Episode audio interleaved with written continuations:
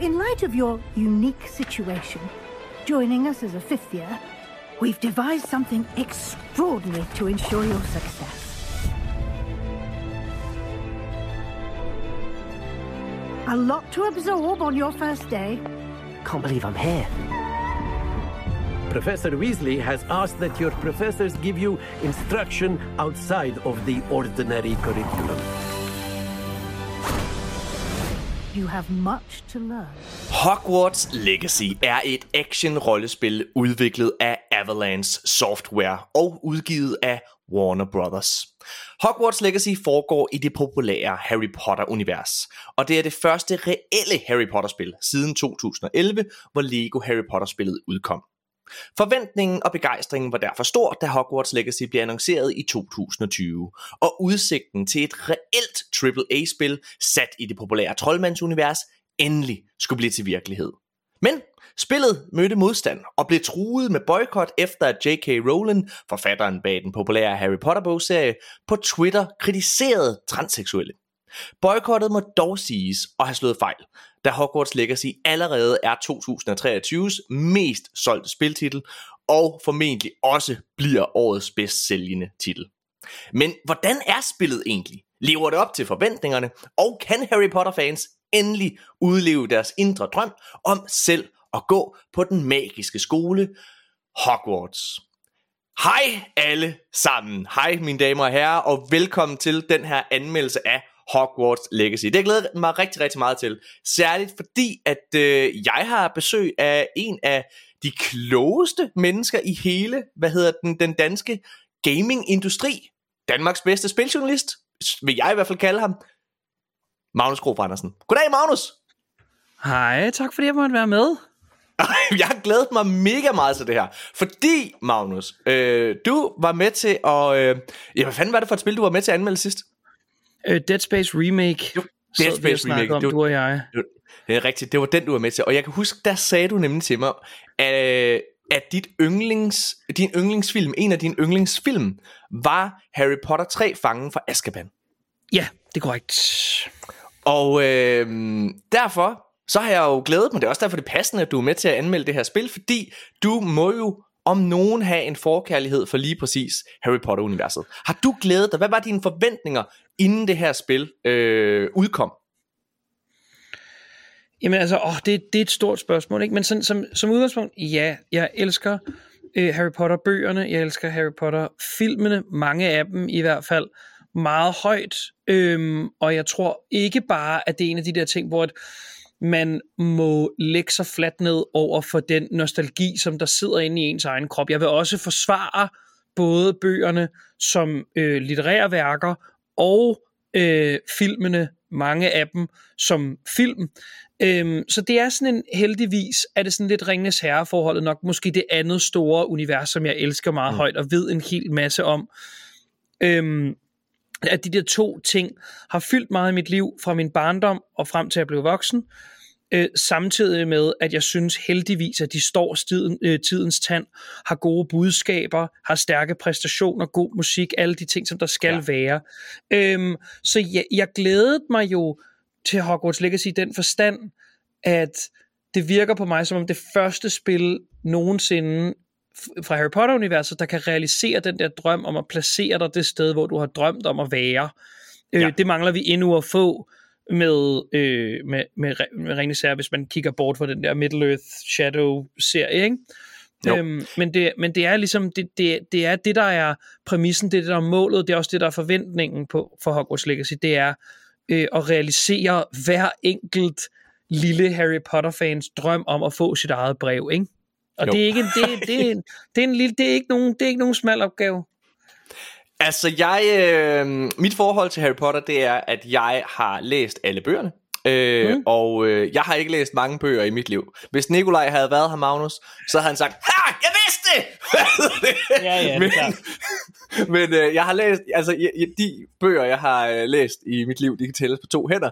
Det er de syv Harry Potter bøger og Jurassic Park bogen. Så ej, jeg har vist også læst Dyrkirkegården fra Stephen King. Så gad jeg ikke mere. Godt. Øh, okay. Det er federe til film, kan jeg sige. Nå, men hvad hedder det? Harry Potter bøgerne har jeg et, altså jeg elsker dem. Okay? Jeg synes, de er fantastiske, jeg synes, de er magiske, altså det skal de også gerne være, men jeg mener, du ved, det er magisk at læse dem, fordi indlevelsen og rejsen og karaktererne deri er så velskrevet, og dramaet der i er så relaterbart, og altså, ja, altså jeg, det, det er virkelig de der bøger, hvor, jeg, hvor, jeg, hvor man ikke kan lade være med at vende næste side. Man har brug for lige at tage et kapitel til, når man mm. går videre. Så synes jeg til gengæld, at filmene var af blandet kvalitet. Jeg var en af dem, der synes, at der var ikke nogen af dem på nær syveren, part 1 og 2, som levede op til bøgerne. Og det var fordi, at i syveren, øh, altså, som var delt op i to, der havde de mere tid. Jeg synes oh, simpelthen, undskyld, at det var... to sekunder. Ja. Jeg sidder midt ja. i en optagelse. Hvad så? Hvad sker der her? Undskyld. Så bliver vi simpelthen... Der er nogen, der kommer ind midt i optagelsen, og altså Magnus han sidder på Game Reactors hovedkontor. Det må du, det må du virkelig han, undskylde. Det skal du ikke undskylde. Lidt, jeg skal lige... Nu skal... Ja, jeg er her igen. Vil du gå tilbage til, øh, hvad det? Gå tilbage til din kontroversielle og forkerte holdning til, øh, bøg, til filmene. Det vil være super. Okay, Jamen, jeg synes, jeg synes, at jeg synes, de er fine, og jeg må faktisk sige, om nu har jeg siddet og set dem igen her med min, øh, med min datter, som er 6 mm. år, øh, hvor man kan se dem med dansk tale, de tre første i hvert fald, inde på. HBO Max. Øh, ja. Og altså, jeg kan godt se, det kan noget, og der er tydeligvis en magi over dem osv., øh, og når det er, bøgerne er kommet på afstand, så føler jeg heller ikke, at de ødelægger bøgerne lige så meget, som jeg følte dengang, fordi jeg følte, at der var rigtig, rigtig meget vigtig information, der var gået tabt i oversættelsen til film.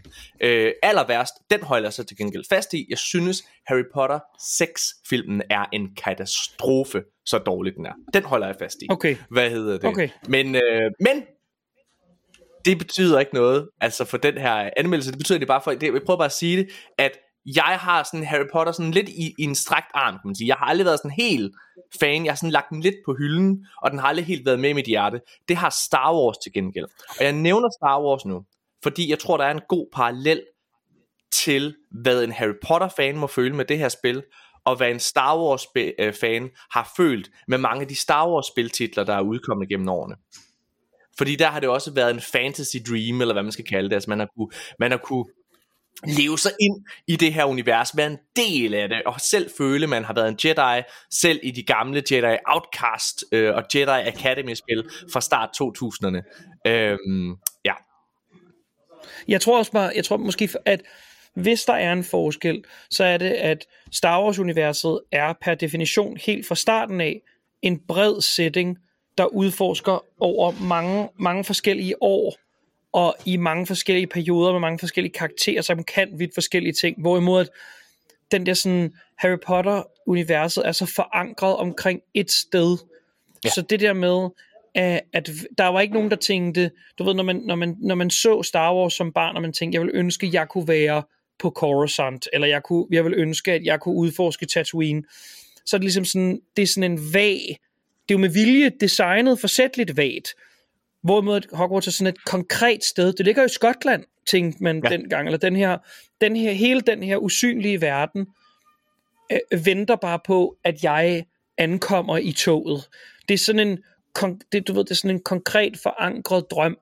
Så det er også derfor, at det har været så oplagt at spilmatisere øh, Hogwarts og hele Harry Potter, sådan undervisningsskoleårscyklusen, og også ja. vildt, at vi skulle vente så lang tid før ja, fordi nogen... det her, det, ja, fordi det her, det er jo faktisk, altså, der har, været, der har været et par spil, som har været filmatiseringer, eller hvad man skal kalde det, af, eller spil, mm-hmm.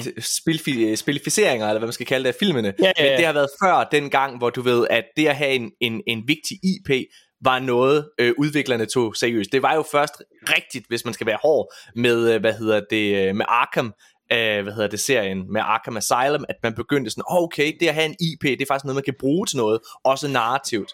Øh, og det er klart, at jeg ser væk fra, ser bort fra Star Wars-filmene, øh, fordi de har haft mange gode øh, spil med sig. Men, men det er som om alle andre franchise har været sådan lidt forbigået på en eller anden måde. 100%. Det har Harry Potter også, fordi som sagt, vi skal helt tilbage til, til, til 2011, hvor, øh, hvor sidste halvdel af øh, Lego Harry Potter-spillene, hvor øh, år 5-7 udkommer. Øh, altså før man ligesom har haft et reelt spil. Det er 12 år siden, mine damer og herrer. Det er fandme længe ja, siden. Det er sindssygt. Øhm, og Warner Brothers havde jo en kæmpe succes med Harry Potter-filmene. Og Lego solgte røven ud af bukserne, og de har stået her efterfølgende, hvordan kan vi fortsætte det? Og så har de prøvet at se, hvad hvis vi laver øh, Albus Dumbledores unge år som, øh, som film? Og det gik sådan lidt med, hvad hedder det, varierende succes. Jeg synes faktisk, den første var meget god. Godt, godt lide den første ja, film ja, den det, er, øh, det er sådan, sådan har jeg det nemlig også. og så er det faldet fra hinanden efterfølgende. Lego, øh, hvad hedder det, øh, de bragte Harry Potter tilbage for et par år siden, og det er allerede en af deres bedst sælgende IP'er. Star Wars er stad, selvfølgelig stadigvæk den bedst sælgende IP, de har, men, men Harry Potter er virkelig, virkelig deroppe af. Og det siger jo et eller andet omkring ønsket og, øh, hvad kan man sige, ambitionen for at være en del af det her univers, for at forblive i det. Så Hogwarts Legacy, det kommer som kaldet, vil jeg næsten sige. Og dem jeg har tæt på mig, som, øh, som elsker universet, de har virkelig set frem til det her spil. Mm. Ja. Det har, Har også, også det?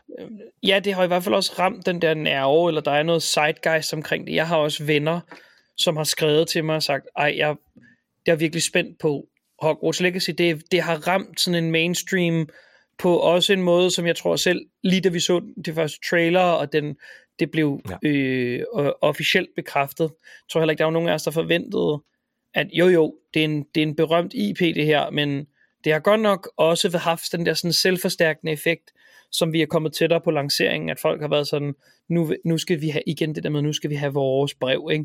nu skal vi have lov til at færdes på Hogwarts på samme måde, som Harry Potter gjorde. Ikke? Det beviser os bare, hvor stærkt det univers i sidste ende var. Ikke? Så øh, jo, jeg har været meget spændt, øh, jeg har været meget, øh, set meget frem til det, jeg har også været meget nervøs, ikke?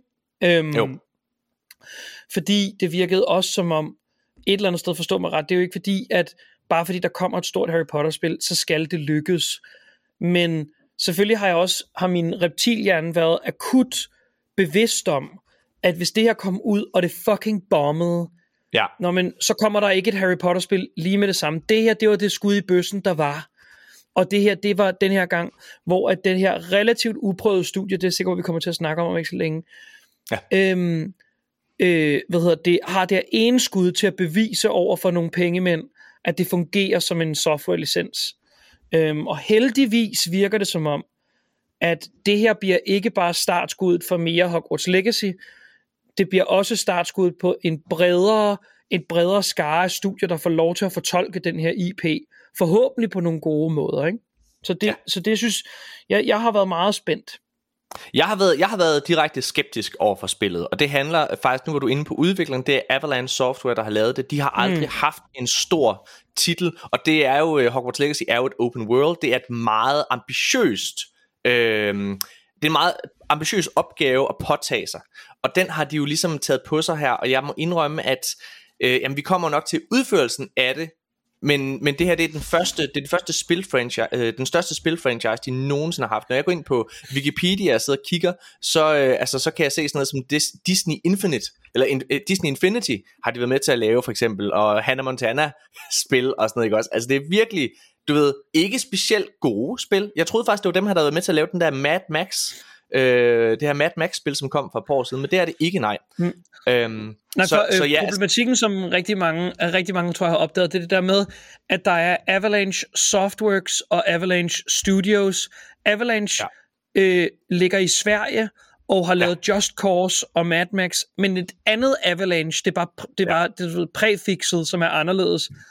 Øh, de har så lavet det her. Så det er også, der, Ja. der er rigtig mange, som- jeg har set, som sagt, Hogwarts Legacy lavet af dem, som har lavet, øh, du ved, Mad Max har lavet Just Cause. Okay, hvad er det for noget? jeg Og tror, jeg, jeg er sikker på, at dem, end det. ja, altså det her, det er faktisk, det er nemlig virkelig slemt det her, altså i forhold til, hvad der er på deres CV. Så det vil sige, altså korthuset står faktisk til at vælge, og det vil bare lige afsløre allerede nu, det gør det ikke. Men, hvad hedder det, der er ikke nogen tvivl om, at, øh, altså, at, at, at selvtilliden til det har ikke været stor, og lad os prøve at tage en lille bitte smule hul på... Nej, ved du, lad os snakke om spillet, så skal vi snakke omkring, øh, hvad kan man sige, hele, hvad hedder det, J.K. Rowling modstanden og så videre efterfølgende. Fordi for mig at se, så synes jeg faktisk, det er kedeligt, og jeg, var, jeg debatterede faktisk, skulle det overhovedet med den her anmeldelse. Øh, jeg spurgte faktisk Magnus, inden vi startede med optag, skal det her med J.K. Rowling, skal vi snakke om det? Og så kunne jeg mærke lige da jeg satte højt, at jeg synes faktisk, det har på en eller anden måde været så stor en del af det her, det her spils, den her spils fortælling, altså op til lancering, og at den på trods af boykot og at mange store amerikanske og udenlandske medier har valgt ikke at dække det her spil i optakt, alligevel går ud og sælger røven ud af bukserne. Det vil sige, at den trodser alt modstand, der har været til spillet. Øhm, det synes jeg jo er en, er en, er en vigtig del af den fortælling. Så man, jeg, jeg, jeg synes personligt ikke, man kan lade være med at nævne det. Øhm, mm. Det er også derfor, det var med i min indledning. Øhm, og jeg havde ellers skrevet sådan i, i bedste festen-stil. Det kan være, der er nogen af vores lytter, der ikke aner, hvad festen er. Det er en dansk film, som er rigtig god, men jeg havde lavet, sådan, jeg havde lavet to indledninger. en, hvor det var inkluderet, og en, hvor det ikke var inkluderet. Ja. Havde, du, har, du, havde du puttet dem i farvede konvolutter også? Det havde ellers været meget fint. Ja. okay, så lad os, lad os prøve at snakke omkring som, øh, det her spil så, fordi er det, Magnus, er det her alt, hvad du havde drømt om? Som Harry Potter? Øh, åh, det er svært. Ved det, øh, er, det et, er det et godt spil? Ja, det er det. Det er et godt spil. Øh, det er også til, det er meget af tiden er det også et rigtig godt spil. Øh, så på den måde er drømmen om at have fået et godt Harry Potter spil med tilpa- tilsvarligt øh, budget og ambitionsniveau og øh, øh, øh, sådan mådehold og øh, design chops, alle de der ting, der skal være på plads, de er på plads. Og så kan man diskutere, og det skal vi jo i gang med, de finere, granulære detaljer med, hvad der jo så ikke fungerer, eller hvad der bliver mere arbejdsat, eller hvad der bliver kedeligt, eller hvad der fungerer knap så godt. Men i brede, grove træk, hvis man gerne vil starte med en eller anden form for opsummering, så fungerer det, og det er et godt spil. Og det er et godt Harry Potter-spil, og det er dejligt. Så på den måde, det var det, jeg drømte om, det ville være, og det var det, jeg frygtede, det ikke ville være.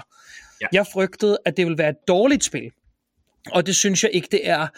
Øhm, jeg synes, det er et godt open world spil, og med, når man siger et godt open world spil, så kommer det efterhånden med heldigvis med netop den, de indbyggede begrænsninger ved den udtalelse, som man, som man kender efterhånden, fordi jeg er sikker på, at det ikke kun, at det, det ikke kun er mig, der føler den der metaltrætheden ved den klassiske øh, open world formular begynde at melde sig, øh, som vi ser i diverse Ubisoft-spil, når det er aller værst, og som vi ser i for eksempel Horizon Forbidden West, når du kan mærke, at det er et rigtig godt spil, rigtig godt spil, som så bare lider under det der med, at til sidst så at bevæge sig hen til det næste spørgsmålstegn på et map, som er 200 km bredt, øh, og ja. så det skal, får du serveret en ud af 10 fede, men gentagelige øh, aktiviteter at udføre. Altså når du gør det i 70 timer, så begynder du at tænke, okay, jeg, jeg mangler et eller andet andet, der, der kan hook mig nu. Og det er, Hogwarts Legacy falder meget i den der Horizon, det der med, jeg kan rigtig godt lide de ting, jeg laver. Der er ikke nogen af de ting, jeg laver, som individuelt er kedelige at lave. Men selvfølgelig øh, er det også, øh, begynder det, som timerne går, og vakle under sin egen vægt i den forstand. Så men altså for at finde tilbage til svaret på det helt originale spørgsmål, det er vel i princippet det, jeg drømte om, det ville være, som er, det er et rigtig godt Harry Potter-spil. Altså, ja. det, hvad med der dig? Burde være en, øh, der burde være en regel, Magnus. Der burde være en regel om, ja. at spil max må være 20 fucking timer. Ja. Det hænger ja. mig ud af halsen, at alting skal strækkes ud. Altså ja. det er det er sådan det er at få en kop øh, altså kop kaffe, hvor der er alt for meget vand i. Altså det det det, det smager ikke rigtig af noget. Og Nej. på trods af at det måske er nogle rigtig gode kaffebønner, hvis det giver, hvis man skal blive den kaffemetafor. Ja, nej, lad, lad os blive i den, lad os blive i den. ja, hvad hedder ja. det? Jeg jeg synes øh, jeg var positivt overrasket over det her spil. Øh, ja. jeg jeg synes ligesom dig, jeg synes det er et godt spil. Mm. Men så tror jeg også, at den stopper der. Hvad hedder det? Jeg synes, okay. det er et godt spil. Jeg synes, det er velfungerende. Jeg synes, mm, jeg synes simpelthen, det er for ambitiøst. Jeg synes yeah. ikke, jeg synes faktisk ikke, hvis jeg skal være rigtig hård, at den helt kommer i mål med noget af det, den sætter op. Den vil for mange ting, og jeg kan bare lige prøve at nævne i flæng. Du er på en skole, du kan gå til undervisning, du øh, har en, en RPG narrativ historie, hvor du ved, du går ind og vælger, hvad der skal siges, altså lægger du op til en konsekvens, øh, hvad hedder det, fyldt, øh, et konsekvensfyldt narrativ. Du, har, du kan have dine egne kæledyr, du går ud og fange en masse kæledyr, og så kan du opdrætte dem og breed dem.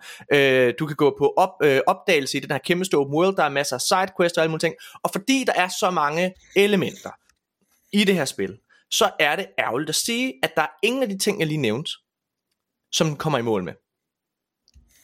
Og jeg må faktisk sige, aller værst, så synes jeg, det er historien.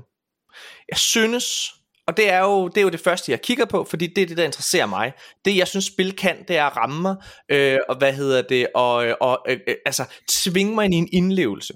Og der må jeg bare sige, historien i Hogwarts Legacy er fucking kedelig og vanvittigt dårlig. Der er der er en sidehistorie med en fyr, der hedder Sebastian, som jeg synes er god. Den var jeg, den var jeg, den var jeg investeret i, men det var desværre den eneste, det eneste historie, den eneste sidehistorie, som jeg virkelig, virkelig sådan, ja, synes der var noget i. Og det, jeg synes, det er et problem, at der er hele den historie, hvor du ligger op til, øh, altså at, at din valg har konsekvenser og alle mulige ting, og så har det ikke rigtig nogen konsekvenser. Du kan sidde og spille øh, som et kæmpestort røvhul, men det betyder ikke rigtig noget. Jeg kan huske, inden at det her spil kom ud, så, øh, så, så blev øh, udviklerne her, de blev kritiseret af fans for, at de ikke havde et morality system, som man øh, ligesom er, øh, altså kender fra Mass Effect og Knights of the Old Republic og de fleste RPG-spil på en eller anden måde. Altså, hvis du spiller som ond, så har det konsekvenser. Fordi i det her spil, så kan du lave de forbudte besværgelser. Du kan sige, at der var kadaver, eller hvad fuck det hedder, det der, hvor man dræber folk, ikke? Og det er jo den mest forbudte forbandelse i hele verden i det her univers, så det skal jo virkelig betyde noget. Men det gør det ikke. Altså, du kan stadigvæk være en nice guy, og så gå rundt og dræbe mennesker, og hvad hedder der, sådan nogle ting. Og jeg, må indrømme, jeg var en af dem, der sagde, inden det her spil udkom, det er lige meget. Det er ikke sådan et spil, det er. Det prøver ikke at være sådan et spil. Men jo, det er sådan et spil, det prøver at være. Så det er et problem, at den ikke lander det. Og det er, det er på en eller anden måde, det, det, det, det, går, imod, det går simpelthen imod reglerne på en eller anden måde. Ja, øh, og lad, lad os prøve at stoppe der, for jeg har en masse ting at sige også til karaktererne og alt muligt. Øh, og det, hvis jeg bare lige sådan skal slå fast, det er ikke fordi det er forfærdeligt, det er bare ikke godt. Det er sådan, den lever ikke op til de ambition, øh, ambitioner, den selv sætter for sig selv inden for historien og den narrative. Hvordan er din mening og holdning til den narrative, Ramos? Øh, jeg synes, det fungerer bedre, end, end du synes. Altså, jeg, synes, jeg tror måske også bare, at mådeholdet er, den mere sådan moderate holdning, er, er nok bare, at det er meget svært at fortælle en præcis indlevelsesrig og fordybende historie, som foregår over så lang tid, og hvor du introducerer frihed imellem hver af de sammenhængende beats. Øhm, jeg tror, at det, i de fleste af de open world spil, jeg elsker meget højt, øh, så øh, vil jeg nok kunne sige, at dens, dens egen i, altså iboende struktur underminerer nok netop det der præcise teatralske element, som gør, at man føler sig investeret i karaktererne og i historien på sådan en mere direkte måde. Øhm, der er undtagelser, øhm, at God of War gør det jo for eksempel ved øh, øh, kunstigt også at indskrænke, hvor meget et open world spil det egentlig er, øh, og, og dermed holder spillere nærmere ilden hele tiden. Men for at vende tilbage til sådan noget som Horizon, og for også at blive ved Skyrim og Fallout, mm øh, spil, som er store i den her størrelsesorden, så er det bare en kendt floskel, som vi kender, og jeg synes målt op mod mange af dem. Jeg tror måske endda til dels også, jeg synes, at The Witcher 3, som ligesom ofte bliver markeret som værende den her søjle inden for interaktiv historiefortælling, mm. Øh, specifikt blandt open world RPG'er, så synes jeg, det er fint nok. Jeg var investeret nok i den her Ancient Magic timeline. Jeg synes, Rainrock var en interessant nok fjende, og jeg tror måske særligt, at Sebastian og Natty og nogle af de her sidekarakterer var nok til at spille bold op af, til at føle det, at der blev den der sådan etableret den her Mm. Øh, det her det er min Potter-legende, jeg ved at opleve. Øh, og så synes jeg faktisk en rigtig genial, et rigtig genialt penselstrøg på det der med, det er, at vi, at øh, selve øh, historien er inddelt som et skoleår, ligesom det var i de helt tidlige ja. Harry Potter-historier. Og det er, så det vil sige, at, det er enig med dig at, at, at ved det, man kan mærke tidens tand. Jeg føler ikke måske, at der er de store stakes involveret i mit eventyr, men jeg har det som om, at jeg er kommet her på skolen, jeg skal komme her igen næste år, og det her, det var det eventyr, jeg oplevede i år. Så ja. det vil sige, low, en low stake situation, helt sikkert, men ja hvor jeg synes, den passer meget, den passer måske meget godt i sin tilforladelighed til Øh, men jeg, jeg er fuldstændig enig med dig i, at den er ikke exceptionel og øh, jeg, jeg synes bare det, at du nævner, jeg synes bare det, at du nævner The Witcher 3 og Skyrim og Fallout er allerede sådan at sætte den op på det niveau. Øh, det synes jeg måske er en hellig brød, fordi det som de, jeg, jeg er øh, enig i, at jamen, den over, det overordnede narrativ, for eksempel i øh, Skyrim, er ikke det vildeste i hele verden. Men Ej. det som både det, men det som både det som både Salt Witcher 3 og Skyrim og Fallout har, det er at så er det spændt ud med fantastiske og medrivende sidequests. Det er rigtigt. Det har Hogwarts også... Legacy heller ikke. Og hvad Nej, hedder og det? Altså... det? Det er også der, hvor The Witcher rigtig brillerer. Ikke? Det er det der med, ja, ja. hver eneste quest øh, føles som et proprietært stykke lækkert tilrettelagt ja. indhold. Og ja. jeg tror også, at sidequests-mæssigt, så, så der, er det også der, hvor at, at Legacy falmer lidt ved siden af. Ikke? Det, det, tror jeg, det, det tror jeg, jeg er mere med på. Øh. Jeg tror, jamen, jeg tror, jeg, jeg synes, den sætter en masse ting op, en masse regler, som, den, altså, som er ligegyldige i sidste ende. Altså, det er fuldstændig ligegyldigt, finder ret hurtigt ud af, hvad jeg svarer i de forskellige samtaler, for det ender det samme ja. sted. Altså, det, ja. det, det er fuldstændig lige meget, om jeg hvad hedder det, går til undervisning. Jeg er på den her kæmpe skole, og ved du hvad, jeg kan fortælle dig, min karakter har nok altså, hvad, altså han har deltaget i to lektioner måske. det er vildt, yeah. han kommer til at bestå det her skoleår. Fordi altså, du, du er faktisk meget lidt på selve Hogwarts. Og det er også okay, fordi den forbudte skov og alle de her andre, øh, hvad hedder det, Hogsmeade og alle de her ting, det er fedt at være på, på opdagelse. Jeg tror bare, at mit problem er, at, at den sætter nogle regler op. Den sætter, der er et rigtig godt eksempel er, der er en mission øh, ret tidligt i, øh, hvad hedder det, spillet, hvor der er, at du skal snige dig, for der er et sted på skolen, som ingen må gå. Og så skal du snige dig rundt. Og det er pisse svært, og alle mulige ting. Øv, øv, øv, hvor er det svært ikke at blive opdaget. Men, når den mission så er færdig, så kan du bare gå derhen. Der er ingen problemer. Hey, hey, kom ind og kig. Kom ind og kig. Der er ingen konsekvenser. What the fucking ja. fuck? Altså, og det er det der med, at den sætter nogle regler op, som den ikke selv overholder. Og det er det er simpelthen katastrofalt skidt. Jeg vil gerne tage en anden ting, som jeg synes er det værste i hele verden. Det er din hovedkarakter. Mm.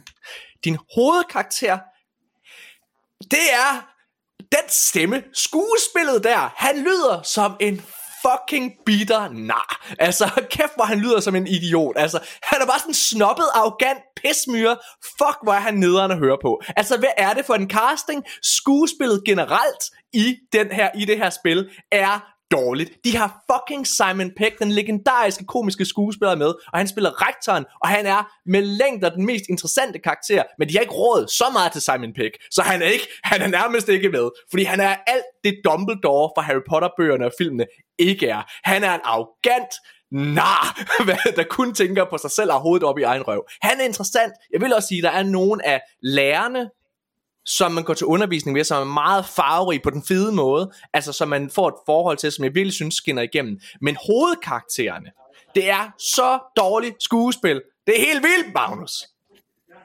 Øh, nej. Men hvad hedder det?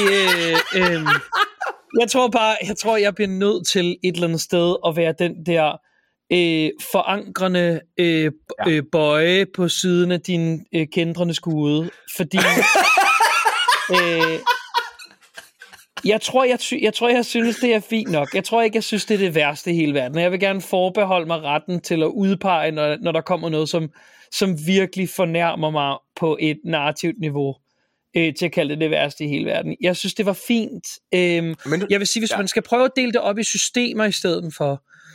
Øh, øh, jeg synes helt sikkert, at dialogsystemet øh, er super unødvendigt, og jeg kan ikke se, øh, hvad, hvilken konkret rolle det spiller. Øh, og jeg vil, jeg vil også gerne, jeg kan godt forstå, jeg tror, at en del af succesen, som spillet her har oplevet til at starte med, er det der med, at man former sin egen karakter, og så får man sit eget brev, og det føles stort.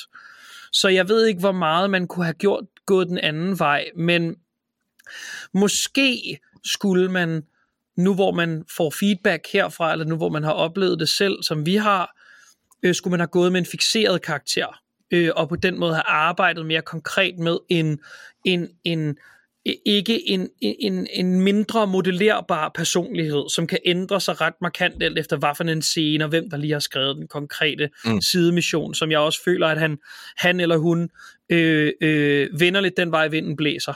Altid, ikke? Så nogle gange Ja. så er der noget pushback, og nogle gange er der ikke noget pushback, og nogle gange er der øh, skepsis, og andre gange er der, ved det, altså sådan total øh, gakkethed, ikke? Så det er også det der med, at igen mådeholdet og det der, det der mere sådan konsekvente tempo forsvinder en lille smule.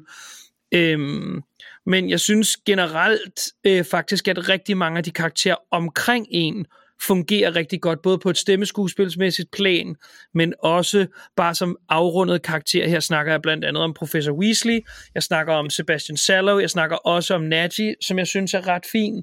Øhm, jeg synes for, for det meste øh, med, med forlænget eksponering, så viser de sig som værende helt fine, øh, altså sådan, øh, du ved, øh, bikarakterer i en stor åben verden.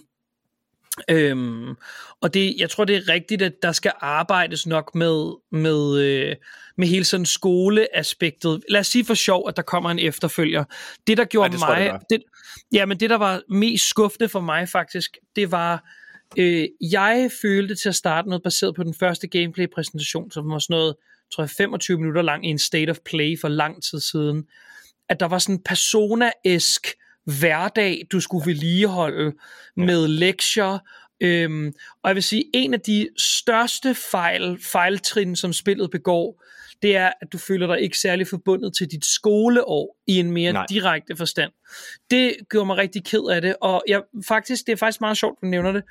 Øhm, du har dit room of requirement, som du løbende selv former. Her fanger du øh, væsner og passer på, og du laver din, brygger dine elixier, og, og det er faktisk en rigtig god idé. Meget af det er en rigtig god idé. Og det der med at give spilleren øh, en, en personlig, personlig styring til at forme nogle omgivelser, er altid smart i spil. Det fungerer altid godt, og spillere bliver altid glade for det i det lange løb. Men jeg løb ind i det her rigtig tidligt, og det, jeg bringer det på banen, fordi det er et rigtig konkret eksempel, som er det her med, at jeg har mødt dem, som er på mit, øh, mit kollegie. Jeg blev inddelt på Ravenclaw, og der møder man tre-fire forskellige karakterer. Dem løber du ind i løbende hele tiden. Hvis du er på Gryffindor, er det nogle andre. Hvis du er på Slytherin, er det nogle andre.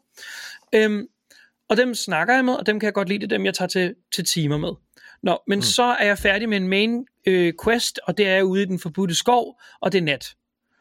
Og jeg tænkte, det er nat, jeg skal tilbage på slottet og sove. Ja.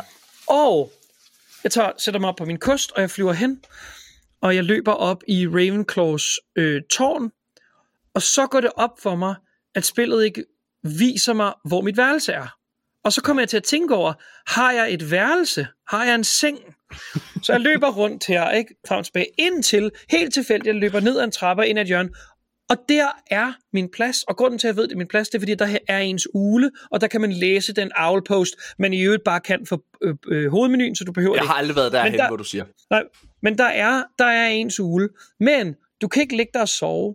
Der er Nej. ikke nogen, du, du har ikke nogen øh, roommates, og jeg synes helt sikkert, at det, der kunne have været et spændende aspekt at udbygge, var det her med at skulle op om morgenen, ned til timer. Nu har du 6 timer. Hvad vil du Ja. bruge dem på? Eller hvad vil du bruge eftermiddagen Ja. på, for eksempel? Nej, men nu er du nemlig Det er der- inde på noget, fordi det er lige præcis det der persona, som er fedt, ja. Hvor det er, at du på en eller anden måde føler, du går glip af noget. Og det er jo det, jeg synes, bøgerne. Ja. har. Når man sidder og læser Harry Potter-bøgerne, så skal Harry Potter og hans venner, Ron og Hermione, hver eneste side, så skal de træffe et valg. Uha, hvis vi gør det her, åh, så kommer vi godt nok glip af noget undervisning, som er ret vigtigt for os. Noget. Det der, det synes jeg er fedt, og det er nemlig rigtigt, det mangler. Og så er det vanvittigt, at noget, der er så stor en ting i bøgerne, det der med, at man må ikke være uden for sit kollegie om natten, om aftenen, er altså fuldstændig ude her. Og så kunne de jo, de kunne jo have sagt, det er i det her spil, vi finder ud af, hvorfor man ikke må gå væk fra sit kollegie om natten. Men spoiler lidt, det er det ikke. Det er fuldstændig Nej. ligegyldigt. Og det synes jeg bare er ærgerligt. Og prøv at, det er jo ikke fordi, jeg prøver at hæve det her spil til en højere standard, men jeg vil gerne hæve det til den standard, som nogle af de gode RPG-spil, som den prøver at være, derude ligesom har. Det er derfor, jeg sammenligner med Witcher, med, hvad hedder det, med, med, med Persona nu, og så videre. Jeg har en sidste negativ ting, og så vil jeg gerne snakke om nogle positive ting, for jeg har faktisk ret mange positive ting at sige om det her spil, trods alt. Og den negative ting, den har du været inde på, Magnus. Det er simpelthen, det er den her open world. Jeg synes, Hogwarts er fantastisk. Selve slottet er fantastisk. Jeg synes, at Hogsmeade, byen, der er lige rundt omkring, er rigtig fed. Men ved I, hvad der er kedeligt? Alt andet. hele den her kæmpe store open worlds ligner, altså alt ligner mere eller mindre hinanden.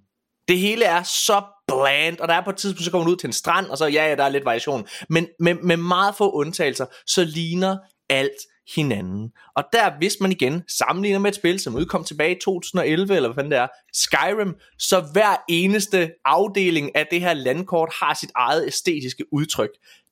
Det kan man altså godt, og der synes jeg bare, at det her det blev meget semi på en eller anden måde. Fjendevariationen er også meget semi. Det er meget det samme, du sidder og kæmper og slås med hele tiden. Øhm, ja, og det, det, det igen, det er sådan noget, der... Jamen, jeg vil hellere have... Nu skal jeg fortælle... Og det her, det er ikke bare til det her spil. Det er til alle spil. Jeg kræver, at vi snart stopper med at gøre open world til en altså til et, et kæmpestort plus i en marketingstrategi. Fordi det er det ikke, når det kommer til, altså til, til, til, til virkeligheden. Fordi et open world, der er så mange spil, der kæmper om vores opmærksomhed hele tiden.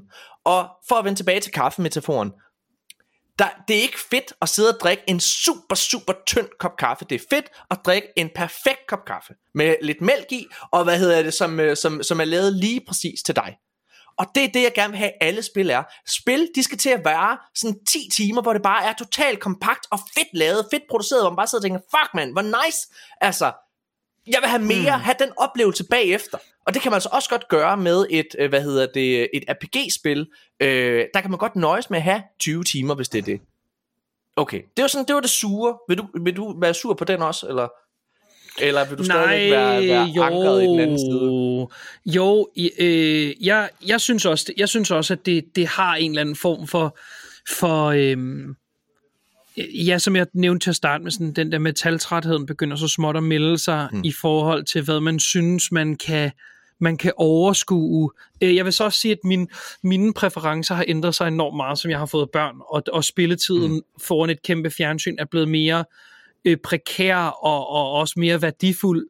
Så ja. det der med, at, at spillet skal bruge så lang tid til at blive færdigt med ja. sig selv og med mig, er, gør det svært. Og jeg, apropos Horizon Forbidden West er på næsten alle målebare parametre et virkelig velsammensat spil, og Guerrilla kan kan på mange måder det også Magnus, meget det, sammenligneligt med Hogwarts Legacy. Magnus, det er ligesom et godt knald. Det er ligesom et godt knald. Det er rigtig fedt at komme derind, og det er rigtig, rigtig godt at være i gang. Ikke? Men når det er, at du sidder der, altså bare køre, altså når du har kørt i, det har jeg aldrig prøvet, men du kan teoretisk set at køre i 9 timer, tre, eller sådan noget, ikke 3 også? minutter. 3 ja. timer, eller hvad fanden man hører om ja. Altså så må, så, må, man, så går jeg ud fra, man også bare ligger der og tænker, okay, ja. Men altså, det var da meget sige, at ved det spændende i sådan- starten. der var en gang, der var en gang det der med, at, jeg, jeg tror måske, at der var en gang, tror jeg, hvor jeg havde det sådan, at når jeg havde sat gang i et godt spil, at det der med følelsen af, at der var så meget, var rigtig, var rigtig betryggende, selv når man kun var en ja. time inde. Så det der med at vide, der er 100 timer endnu, det føles bare rart. Og det var, øh, og det var kun fordi det der med, at du ved, den første bid er en ret, og, og, og, som du virkelig godt kan lide, og, men så smager det næsten bedre, fordi du har viden om, at du har hele tallerkenen to go. Hvis den første bid var sådan her, nej, hvor bliver det, hvor bliver det fedt at komme igennem hele måltidet. Og det er, også, det er også fedt at komme igennem måltidet, men intet er lige så godt som den første bid, og det er det, der er lidt af Nej. problematikken øh, med den der, du ved, så bredt som et ocean, så dybt som et vandpy, øh, vandpyt, ikke? Øh, nu synes Den jeg, første bid af det her spil er til gengæld rigtig dårlig. Den, altså, fordi der går godt nok lang tid, inden det her spil kommer i gang, Magnus, hva'? Øh, ja, jeg synes faktisk, at introen frem til du kommer til Hogwarts er super solid, fordi der er tempo på, og så synes jeg, ja. der er et, et, et fedt stykke der. Øhm, og jeg opponerer også generelt imod det der med, at lektionerne skal være tutorials, synes jeg er en dårlig beslutning. Ja. Øh, at enten skulle de ikke have været der, eller også skulle de være blevet indlemmet mere direkte i den måde, øh, man får fortalt historien på. Så skulle det være, fordi der skete noget, eller man lærte noget information i de her timer, som mm. blev afviklet som en cutscene, som gjorde, man ja. blev klogere, og det kunne du bruge til senere. Øhm, men og, så, så det der med, når der er den, den del af spillet, hvor der er primært bare er nye lektioner, og du ved, så skal du, og du, du når aldrig at komme tilbage det samme sted særlig meget. Du er ligesom, du har en herbology lek, øh, lektion, du har en potions lektion, og så snakker du ikke rigtig Ja. mere med de der, øh, hvad hedder det, professorer resten Nej, det er tiden, synd, og det er synd, fordi at spillet vil rigtig gerne gøre de her professorer til at være, altså gøre dem til Snape, og gøre dem til, øh, hvad fuck mm. ved det, McGonagall og alle de der andre øh, lærere, der er på skolen også. Altså giv dem de her traits, men, men de bruger dem ikke rigtigt, og det resulterer faktisk i, øh, nu, åh, må man, det er sådan en semi-spoiler, der er en, der er en kamp hen af slutningen, øh, hvor det er, at øh, dine professorer dukker op, og det skal være et stort fantastisk øjeblik, men det føles bare, hvorfor, hvorfor, hvor, hvor, hvad laver I her, hvorfor er jeg, og altså, der er en af dem af læreren, der laver sådan en lille blink til dig, hvor det er sådan, what the fuck, vi har ikke noget forhold, hvad laver I her, hvordan er I kommet herhen, hvor er det dumt, altså, det faldt fuldstændig jord for mig, hvad hedder det, okay, men nu, lad prøve at snakke om noget, go- noget godt. Jeg synes kampsystemet er godt. Og ved du, et spil, det vigtigste overhovedet er, det er, at gameplayet godt. Og ja, mine damer og herrer, det er pissegodt. Jeg elsker ja. at svinge med min tryllestav. Øh, hvad hedder det? Jeg synes, at måden, du laver puzzles på, løser dem via øh, forskellige spills osv. der, det er super tilfredsstillende. Og det er i sidste ende det, der, og jeg, jeg mener ikke det her som sådan, åh, det er dårligt, for jeg som sagt, jeg synes, det er et godt spil. Og det er fordi gameplayet, core mechanics er fedt, og det er svært at lave et spil, som er baseret på trylleformularer, ikke også? Og gøre det øh, et godt gameplay, men det gør de kraftet med med. Og der på et tidspunkt, så får du, Magnus var inde på det tidligere, du får en fucking kost og kan flyve rundt. Jeg, havde, jeg var allerede, altså jeg, noget jeg også godt kan lide, det er exploration. Og jeg var allerede sådan, du, lige så snart at, at, at snoren blev taget af min hals, ikke også, så løb jeg bare rundt og explorede og explorede og explorede. Øh, og også uden for slottet. Og så, så jeg gik ret lang tid, inden jeg kom videre til ligesom at, øh, med, med selve hovedhistorien. Og, og det skulle jeg have. Jeg skulle, jeg skulle bare fortsætte med hovedhistorien, for så fik jeg en kost, så havde det ikke taget så lang tid at løbe fra A til B hele tiden. Men jeg synes virkelig, jeg synes exploration, puzzle solving og combat, alt det der egentlig er gameplay, er godt. Så det er nogle virkelig gode ingredienser, der er i den her øh, kaffe, som, øh, hvad hedder det, øh, som vi sidder og drikker, trods alt. Ja, ja, ja. Jeg, jeg synes også, det, synes, at det fungerer, kampsystemet fungerer fantastisk det meste af tiden. Øhm, og øhm, der er masser af spændende ting at kæmpe mod. Øh, fjendernes alsidighed synes jeg fungerer rigtig godt. Øh, held, øh, heldigvis lidt senere ind i spillet begynder de med, med ret intelligent brug af besværgelser også, og det, farvekoordineringen ved deres Protego-bobler rundt yeah. om den kræver, at du kombinerer de sæt af besværgelser, du har, sådan, så du altid har en, øh, som både kan bryde den pågældende boble på din fjende, samtidig med, at der er sådan et Devil May Cry-esk øh, sådan enemy juggling i øh, jonglering i luften af fjender, Øh, samtidig med, at meget af det dog. også bare... Var du snart besværgelse? Der er besværgelse. Altså, prøv at høre her. Øh, for mange år siden, mm. så noget øh, folk, de, øh, hvad hedder det, gjorde grin med, ikke også? Det var, det var Nathan Drake i Uncharted, fordi at øh, hvis man, altså, gameplayet, det gør jo, så sidder du skyder fjender og alle mulige ting, og øh, der var mange, der gjorde grin med, at i virkeligheden så er Nathan Drake jo den største massemorder nogensinde. Hvad hedder det? Og der må jeg bare sige, at i det her spil, Altså, din hovedkarakter, han dræber jo fjender. Der er en besværgelse, hvor du hamrer, du hamrer modstanderen ned hårdt i jorden, sådan der flere omgange. Og der siger jeg bare, han er død. Lad nu være, lad ham være. Han, han kommer ikke tilbage. Han kan ikke rejse op, men du har dræbt ham. Han er ja. død. Hvad hedder det? Noget, han er sådan noget 15-agtig, ikke? Og hvad hedder det? Jeg skal, det skal siges, at, man, at der er en ret, en, den ret alvorlige besværgelse. Defin, defin, defindo som bliver beskrevet i bøgerne som værende noget, der flænger øh, kød. Ja. Øh, dem tyrer du bare om dig med. Altså, ja, ja. du tyrer dem bare i hovedet på dem, ikke? Øh, Men altså... det, du bruger, og det finder du en, en, kan anbefales til alle, der skal starte med at spille. Brug den, den er virkelig god. Øh, men igen, og hvor mange der ikke bliver flænset af det her, ikke, er jo forfærdeligt. Øh, for ja. ikke at nævne, at spillet øh, øh, bruger, har meget flittig brug af de utilgivelige forbandelser, uden ja. nogen former for narrative konsekvenser. Altså man kan Avada Kedavra i et væk her, ikke? Øhm, som generede mig. Hvad er det, prøv, det kan lytterne ikke se, men du sidder, du har fået en pakke, Magnus. Du sidder og åbner en pakke. Hvordan fortæller du fanden, der du åbner? Vil du have det med i podcastet? Ja, ja. jeg, skulle bare lige, jeg, skulle lige, jeg skulle lige tjekke, om det var vigtigt. Og hvad det er det, er det du ikke. har fået? Nå, hvad er det, du har vil fået? Du gerne, vil du gerne vide, hvad det er? Jeg vil gerne vil vide lytterne det. også gerne vide, hvad det er? Ja, det vil de. Øh, ja, Magnus. Øh, ja, hvad hedder det? Vi har fået tilsendt nogle anmeldelseseksemplarer af for noget, der hedder 12 South, som har lavet en Ej. Curve Flex øh, laptop stand. dem skal vi have foran kameraet øh, i næste Fuck, uge, det som jeg har modtaget. Jeg har også modtaget, nø, hvad hedder det, nu springer vi det, en deling der er fra, fra MSI, øh, den, Ja. de helt nye, den helt nye Titan, som har et 4090. Vi skal lave benchmark-tests på et 4090 øh, grafikkort, mobil grafikkort. Så, Altså, prøv lige, det var det. Ej, men det er fedt. Altså, og der vil jeg bare lige sige endnu en gang, hop lige over til Game Reactor Danmark, fordi de laver altså nogle fede Ej, artikler. Og, Nej, ja, ja, og ja, ja, ja. Nej, ved Ja. ja. det, for at vende tilbage til det, jeg synes, jeg synes at, øh, at, øh, at puzzlesen, der er nogle, det der hedder Merlin puslespil, er virkelig gode, fordi de er forskellige for hver af dem. Der er sådan noget 100 stykker i, men hver af dem bruger forskellige regler og visuelle cues til ja. at, at udfordre dig på en specifik måde. Nogle gange er det, det er sådan lidt, lidt øh, hvad hedder det, ko- Koroko, øh, hvad hedder det, Ko- Kokoroko-tingene i Le- Ja. Legend of Zelda Breath of the Wild. Det der med, nogle gange er det at flytte en sten, nogle gange er det bare at forstå en sammenhæng i dine umiddelbare omgivelser. Øh, det er rigtig smart øh, og fungerer rigtig godt og gør, at du tænker mere direkte på, hvordan du bruger dine besværgelser, fungerer rigtig fint. Der er også nogle dungeons, som ikke har noget med, øh, øh, hvad Ja. hedder det, med indstory at gøre. De fungerer decideret glimrende meget af tiden.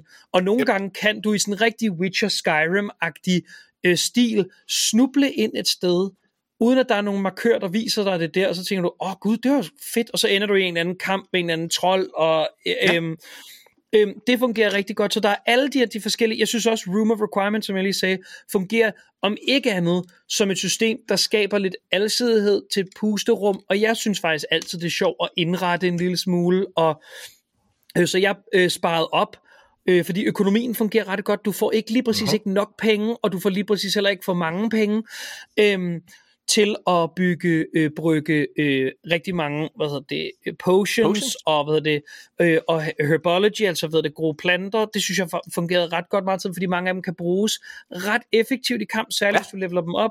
Øh, Jeg har siddet og gemmer dem og sådan nogle ting til de ja, rigtige kampe også. Altså det, jamen jeg, synes, jeg er ja. helt enig, og jeg vil bare sige, Øh. øh, du er faktisk inde på det i forhold til exploration, øh, Magnus, der med, med dungeons og sådan nogle ting. Der er også på et tidspunkt, sådan hen af, øh, hvad hedder det, sidste halvdel af spillet, så dit kort, det udvider sig, så der er en kæmpe stor ny region.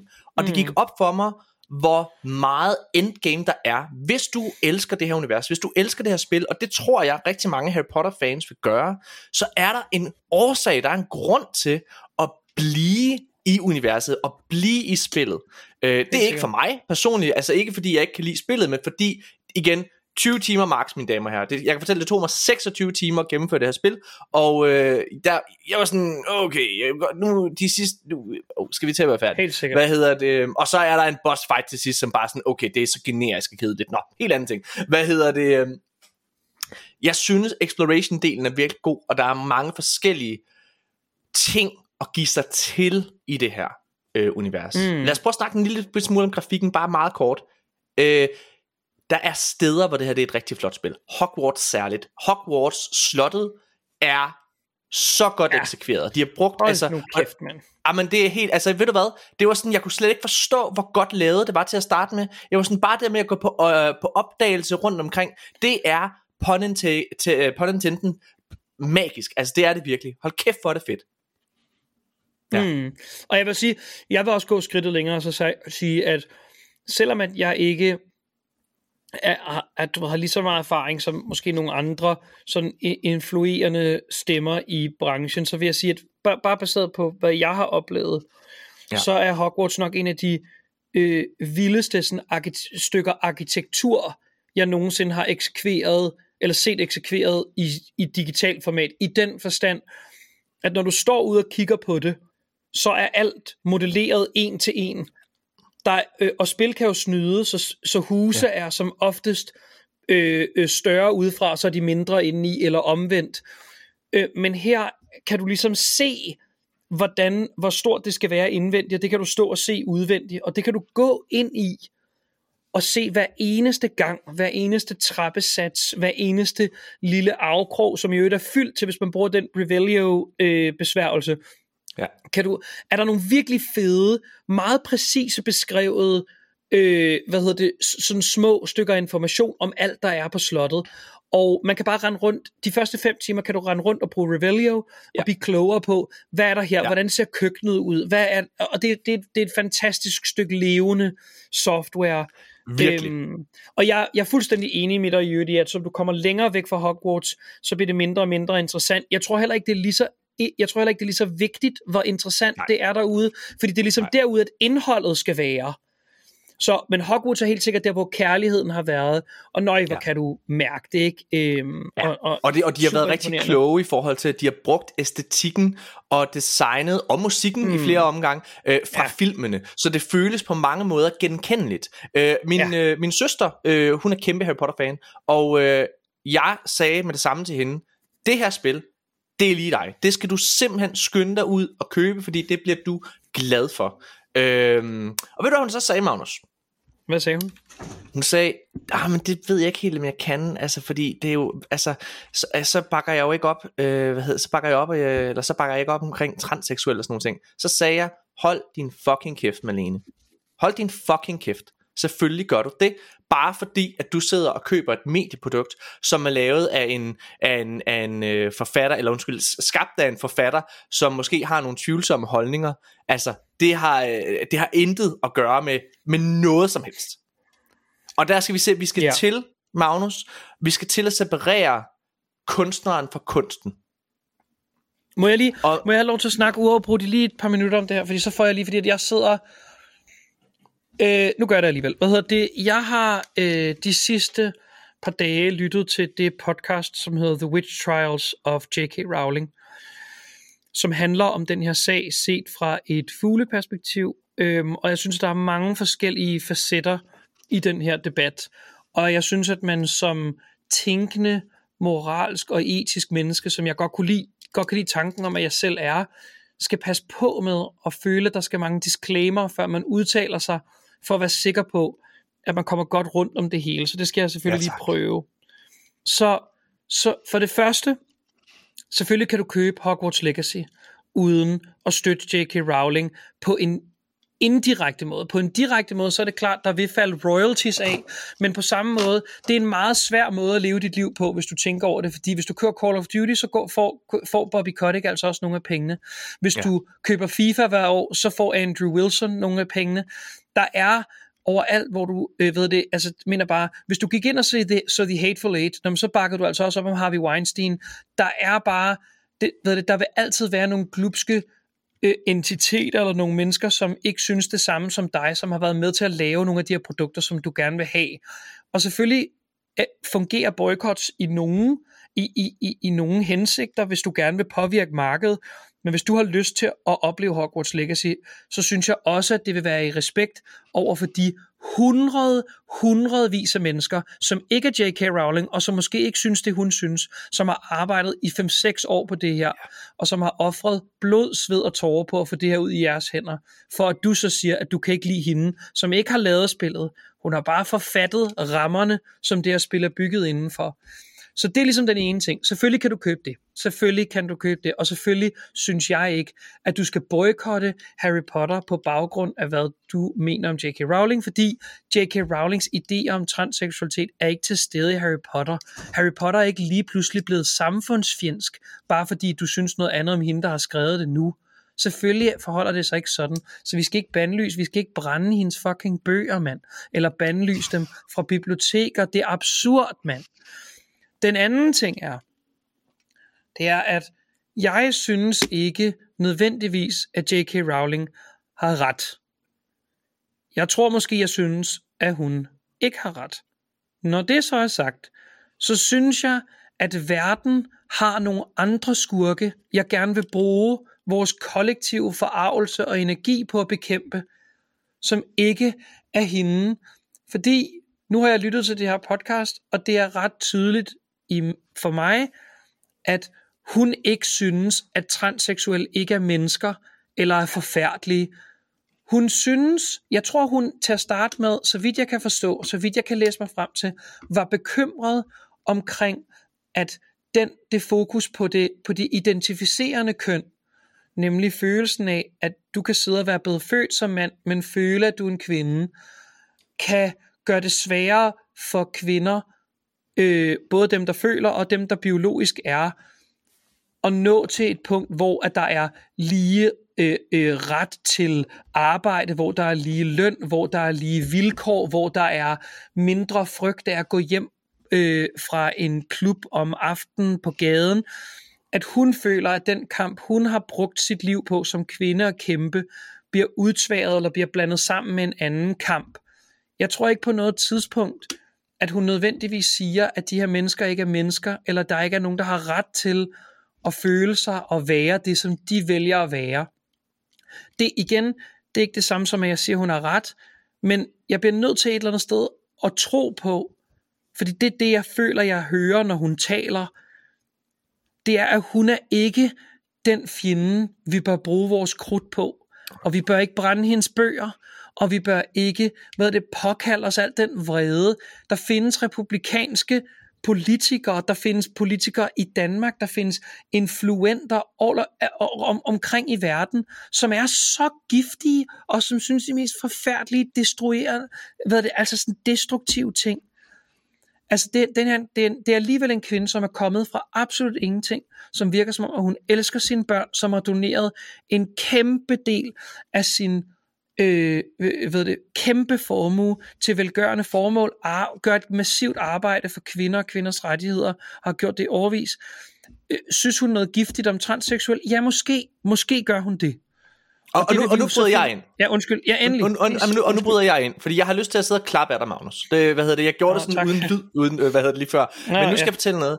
Jeg er jeg er kæmpe fortaler for noget, der hedder ytringsfrihed, og det er noget, som vi i starten af 2000-tallet, altså her i Vesten, i vestlig kultur, øh, gjorde rigtig, rigtig meget ud af. At det var noget, vi kæmpede for, vi gik på krig på baggrund af ytringsfrihed, at komme efter dig. Det mm. synes jeg er vigtigt. Jeg synes, at det, at du må mene nogle andre ting, end jeg mener, det er med til, at vi kan have nogle spændende debatter og nogle spændende samtaler i verden. Jeg synes, hvis man kigger på dansk politik, så kan det godt være, at man kan se på teateret, og ja, ja det er teater, på uh, hvad hedder det, de forskellige øh, parti, parti, uh, partier, der sidder og går imod hinanden og kaster mudder efter hinanden. Men når kameraerne er slukket, og hvis man sidder og kigger på deres Instagram-profiler, så kan man se en fra Enhedslisten og en fra Dansk Folkeparti, som på papiret burde være meget uenige om alting. Vær til en fodboldkamp og hygge sig sammen. Det mm. er fucking fedt. Men der er sket mm. øh, det samme, som øh, det gjorde i 1600-tallet. Vi er begyndt med sociale medier og se alting i sort og hvid. Vi er begyndt at blive sifs, hvis man skal gå i Star Wars. Vi er begyndt at, øh, altså, øh, everything is, øh, eller øh, hvad hedder det at sige, everything is in absolutes. Deal in absolutes, mm. eller hvad fuck det hedder. Ja. Vi er simpelthen vi er begyndt at gå tilbage til 1600-tallet, hvor der er, at vi afbrænder folk på nettet, hvis det er, de mener bare en lille bitte smule anderledes, end vi gør, hvis det går en lille bitte smule imod normen. Og jeg, prøver at jeg er ret progressiv, synes jeg selv. Jeg anser mig selv for at være ret progressiv. Går jeg ind for, at alle mennesker, uanset hvad du mener og tror, skal have samme vilkår? Ja, det gør jeg. Det kan du kraftigt med en band på. Det gælder også folk, der er transseksuelle.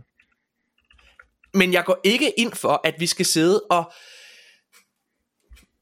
altså prøve at karaktermyrde alle mennesker hele tiden på sociale medier. Jeg er så fucking træt af det. Jeg er så fucking træt af det. Og jeg er træt af, at man skal sidde... Ved du hvad jeg hader? Nu skal jeg fortælle noget, jeg hader. Der kan godt være, der sidder nogle religiøse mennesker derude, som, som får lidt ondt i røven lige nu. Men ved du hvad jeg hader ved folk, der er meget religiøse? Det er, at de har en bibel, hvor, eller øh, et eller andet form for religiøs tekst, som de sidder og overanalyserer, og sidder og kigger og ligger alle mulige forskellige ting som i, i, i en formulering, som ikke nødvendigvis er tiltænkt fra starten af. Og det er det samme, jeg føler, vi gør lige nu på sociale medier, hvor det er, at vi for eksempel med J.K. Rowling ligger ekstra meget i en meget kort tweet, hun har lavet. Og så på baggrund af det, så skal hun dræbe, så er hun det værste menneske i hele verden. Nej, det er hun kraftet med mig ikke. Jeg siger ikke, at hun er perfekt. Nej. Det gør jeg ikke. Men jeg siger ligesom Magnus, der er så mange forfærdelige mennesker derude, som oprigtigt talt bør altså fuldstændig fjernes fra jordens overflade i min optik. Lige nu. Og vi bruger lige nu vores ressourcer som mennesker helt forkert. Hvad er det, vi laver? Ja. Fordi det er nemlig rigtigt den her person, som måske har nogle andre holdninger end dig. Hun er til gengæld en person, som giver rigtig, rigtig, rigtig meget til andre vigtige øh, courses, eller hvad fanden man skal kalde det, som for eksempel kvinderettigheder osv. Det, det, det er dybt godnat, det der foregår lige nu. Og det er ikke bare med Ja, J.K. jeg- Rowling, det er generelt.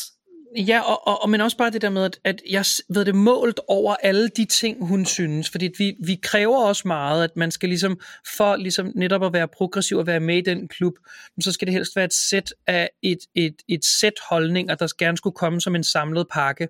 Men alt taget i betragtning, ikke? Hun, ja, hun tror på fri abort til alle. Hun tror på, hvad hedder det, øh, hun var imod, hun var ikke for Brexit, hun var imod Brexit.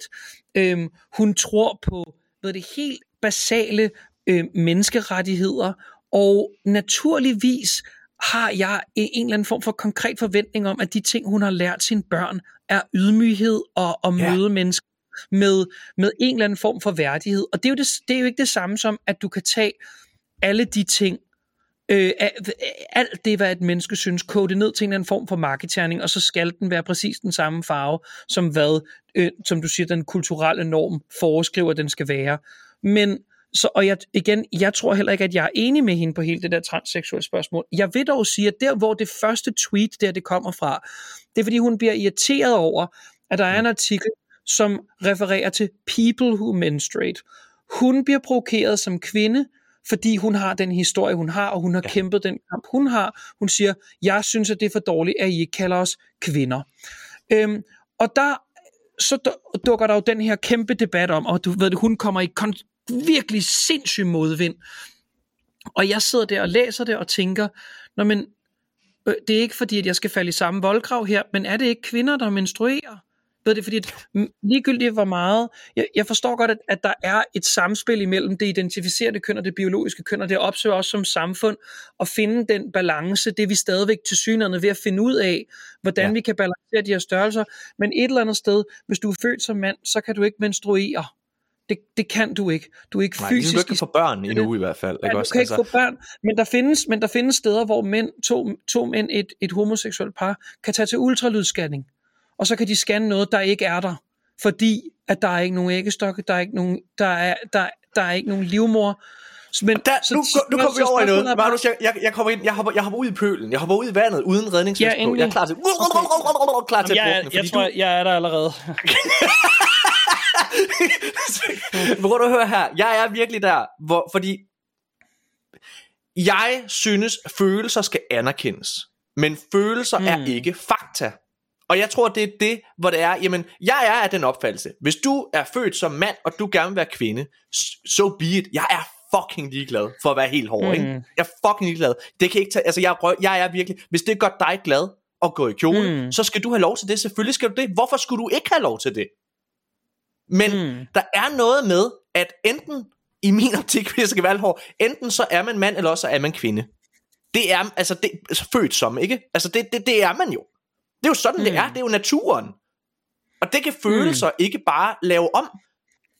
Altså, og der går også et eller andet sted, en- der, der, der kommer en grænse på et eller andet tidspunkt, og, og jeg føler, det der er værst i det her, fordi hvis jeg skal prøve at kode ned, og, og komme tilbage til Hogwarts Legacy, i min optik, så er, er J.K. Rowling ikke et forfærdeligt menneske. Ved du, om der er forfærdelige, Magnus? Det er de forfærdelige, ekstreme venstrefløjs personer, der har været ude og chikanere et hav af forskellige individer, der har købt Hogwarts Legacy, og udskamme dem, og få dem til at mm. knække grædende sammen på, på diverse ja. medier.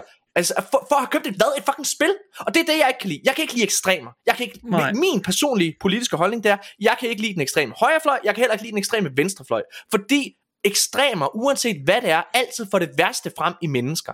Det gør det bare. Og jeg Nej. synes, det her det er et glimrende eksempel. Selvom at den her ekstreme venstrefløj, der har været ude til chikanere mange mennesker, det kommer jo fra et godt sted. Jeg kan godt se, hvorfor de gør, hvad de gør, men det er forkert, og I bliver lige præcis det, I er imod.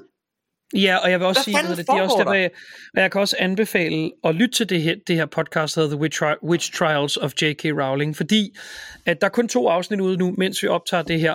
Men øh, øh, de første to afsnit handler faktisk om, at det, der sker efter, at Harry Potter-bøgerne udkommer, det er, at det ekstrem, den str- ekstreme religiøse højrefløj, øh, særligt i USA, bliver jo overbevist om, øh, at spillet promoverer øh, Ja. visse, hvad er det sådan, øh, hekseidealer, som, ja, som, som, øh, som Bibelen i sig selv siger, at man skal undlade at engagere sig ja. i, så derfor bliver det her set som værende øh, øh, et værk, der under, aktivt underminerer øh, øh, kristendommens faste idealer, der bliver arrangeret bogafbrændinger, der bliver arrangeret bandlysninger, Øhm, og det på det tidspunkt bliver øh, hvad hedder det, de mennesker, som ser det her som et skønt stykke fiktion, og som selvfølgelig øh, også er kritiske over for den kristne højrefløj, bliver meget fortørnet over det og siger, hvad er det her for en måde at begrænse øh, retten til fri information. Ja. Og nu står vi der, hvor at de, de mennesker, som identificerer sig som værende opponerende til den kristne højrefløj, vil have de her bøger fjernet, Ja. fordi at de mener, at hun nu igen,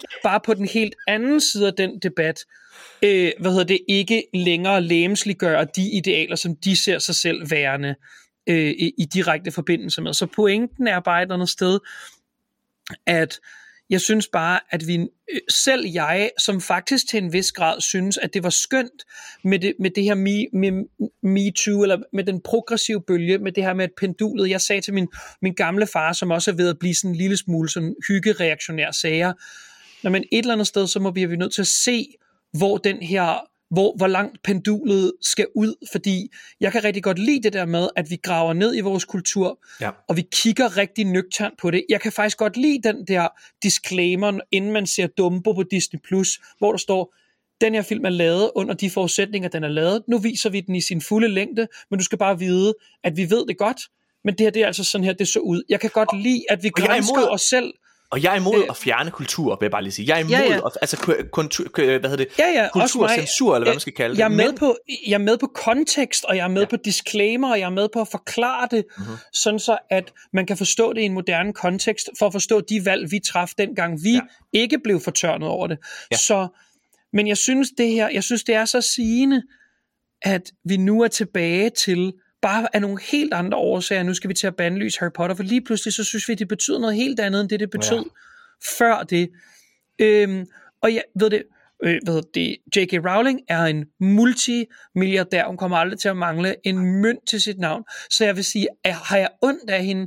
Nej, det har jeg, det har jeg nok ikke. Men jeg vil sige, at når det podcast åbner der, så fucking skælver hun. Hun skælver i stemmen af, hvad jeg antager enten er en meget tæt orkestreret performance. Det tror jeg så ikke. Jeg tror, det er langt mere sandsynligt, at hun er bange.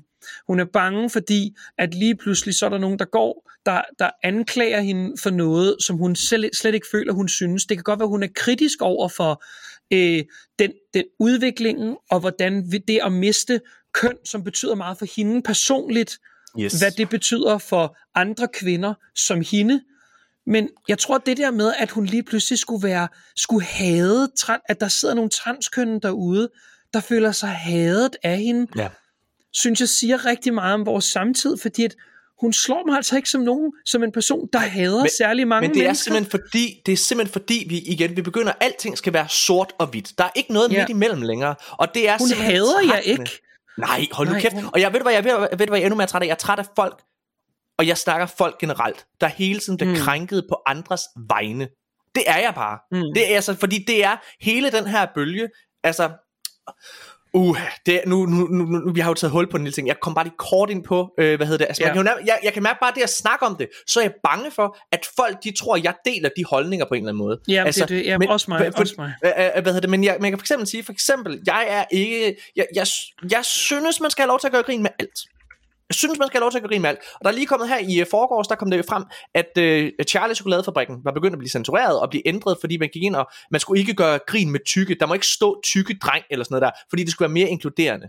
Og det der med, at vi sådan skal tage hensyn til alt, det fjerner mm. alt kultur og farve og komik i vores fucking liv og verden. Det skal stoppe. Når var- folk var ude og være efter Dave Chappelle for at, hvad hedder det, og, og, og gøre grin med, med, hvad hedder det, en transseksuel i et, øh, i stand-up show på Netflix, så var han også bare, han er det værste menneske i hele verden. Nej, hold nu kæft.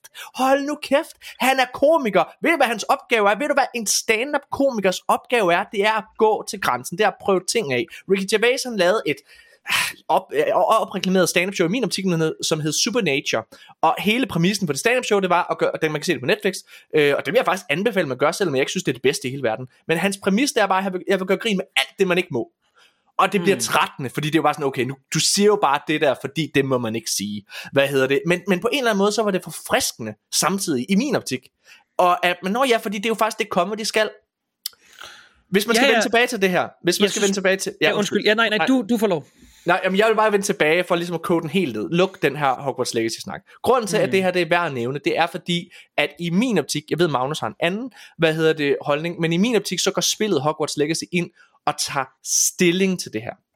Og det gør det, fordi at der var rigtig, rigtig mange øh, fans, der var vrede over det her spil, da det blev, øh, da det blev annonceret, og på grund af det her med J.K. Rowling, så ville de have, at spillet og udviklerne skulle gå ud og tage offentlig afstand fra J.K. Rowling og alle mulige ting.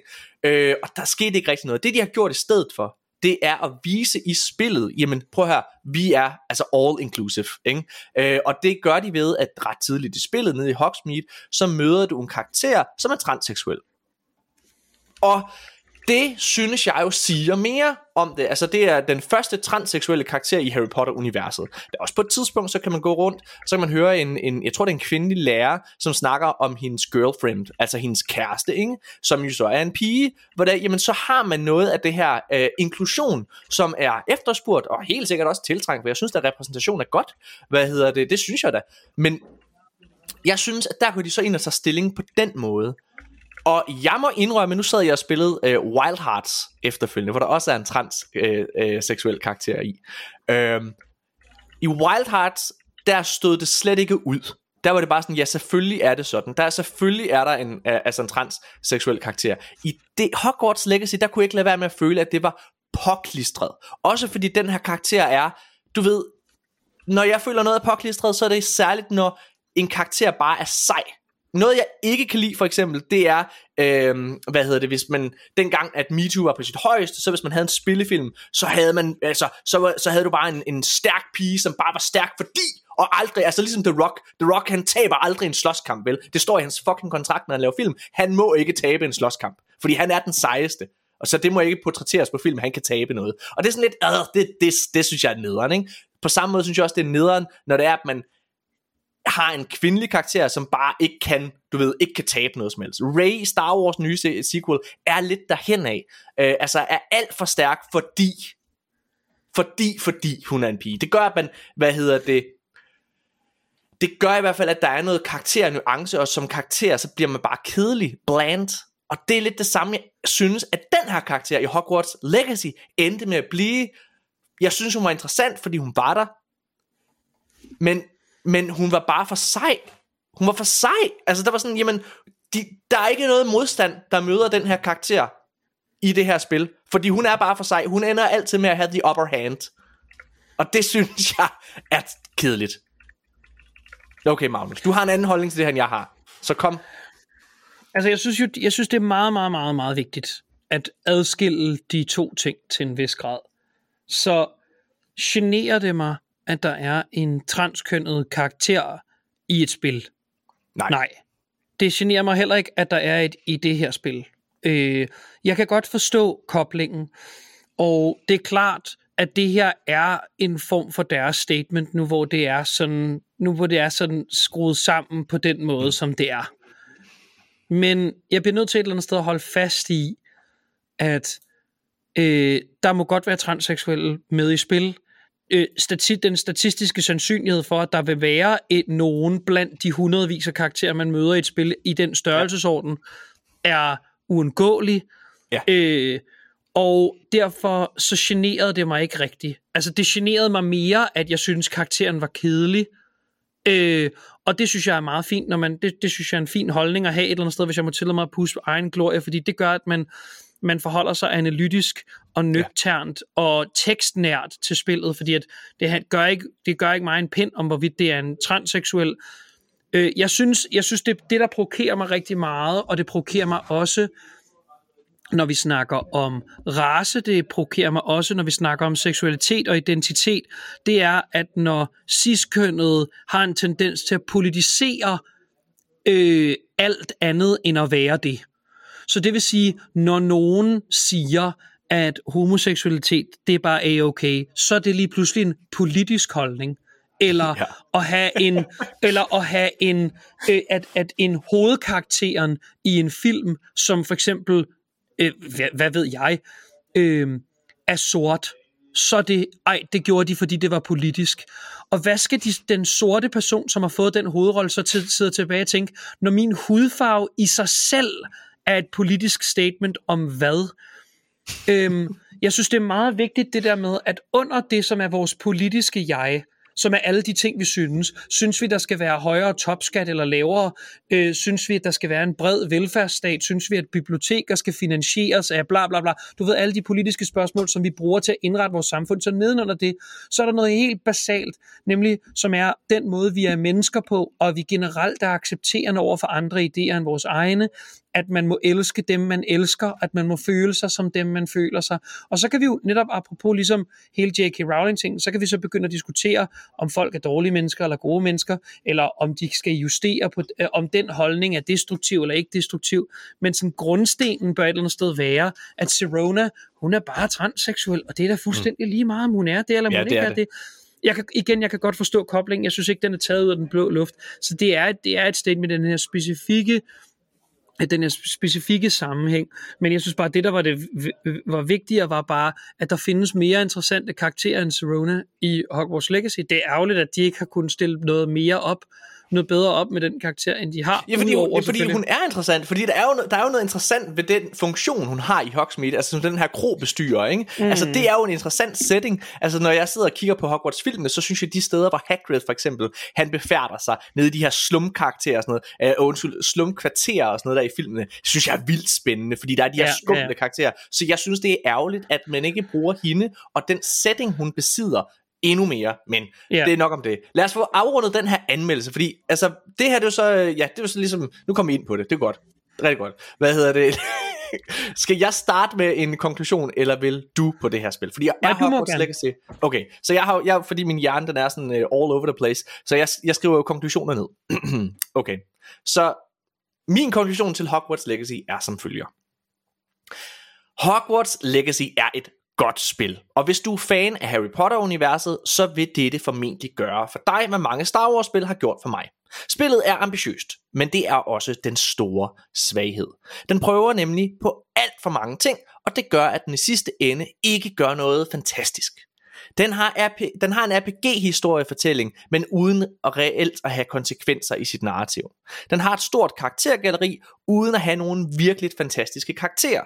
Den har en stor open world, men de fleste omgivelser ligner hinanden. Men magien, særligt på Hogwarts-skolen, er der. Kampsystemet er godt, og puzzle solving føles belønnende.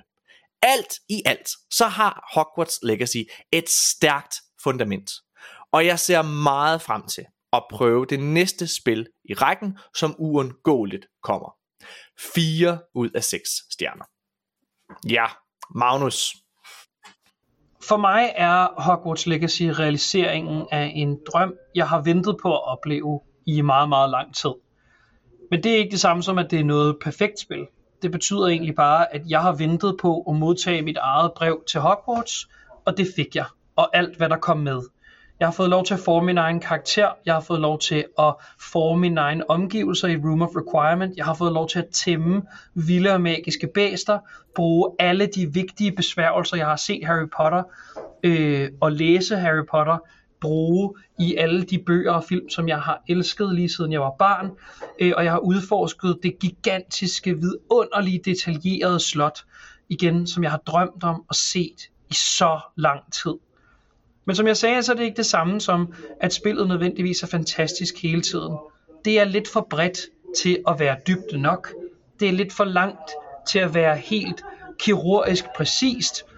Og til tider så sætter den der open world metaltræthed ind på samme måde som det gjorde i spil som Horizon Forbidden West, som ligeledes også bød på en masse gode solide idéer, så bød på en masse gode solide idéer, men som bare til slut det betyder, at vi, det efterlader os med Hogwarts Legacy et sted lidt i midten. Heldigvis i den gode ende af midten, hvor at jeg trofast kan, og glad og lojalt over for det univers, som jeg elsker, kan sige, at Hogwarts Legacy er et godt spil, og det er for nu, om ikke andet, nok. 4 ud af 6 stjerner. Ej, men Magnus, vi er jo bare så enige. Vi kan også Dead Space den samme karakter. Hvor Ja, det er rigtigt. Fedt. Det er fedt. Er det ikke skønt? Det, jo, men det, ved, du, hvad der, og ved du hvad der er sjovt? Det er sjovt, at man alligevel, du ved, på trods af, at vi ender på den samme score, kan have så mange forskellige perspektiver og lægge Ja, vægt ja, på så helt mange sikkert. forskellige ting. Det er virkelig, det er spændende. Det er fedt. Ja, det er dejligt.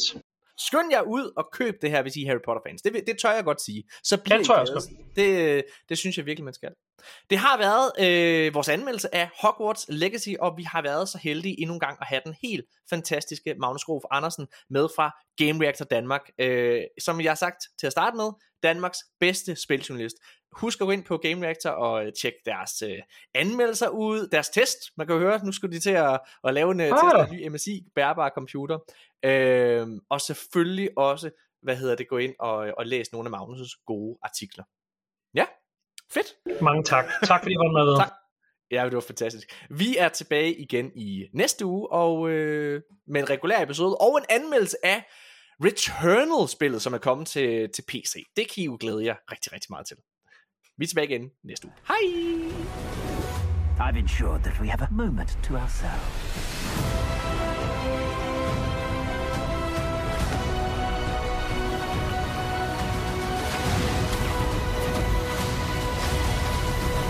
Let's even her odds, shall we?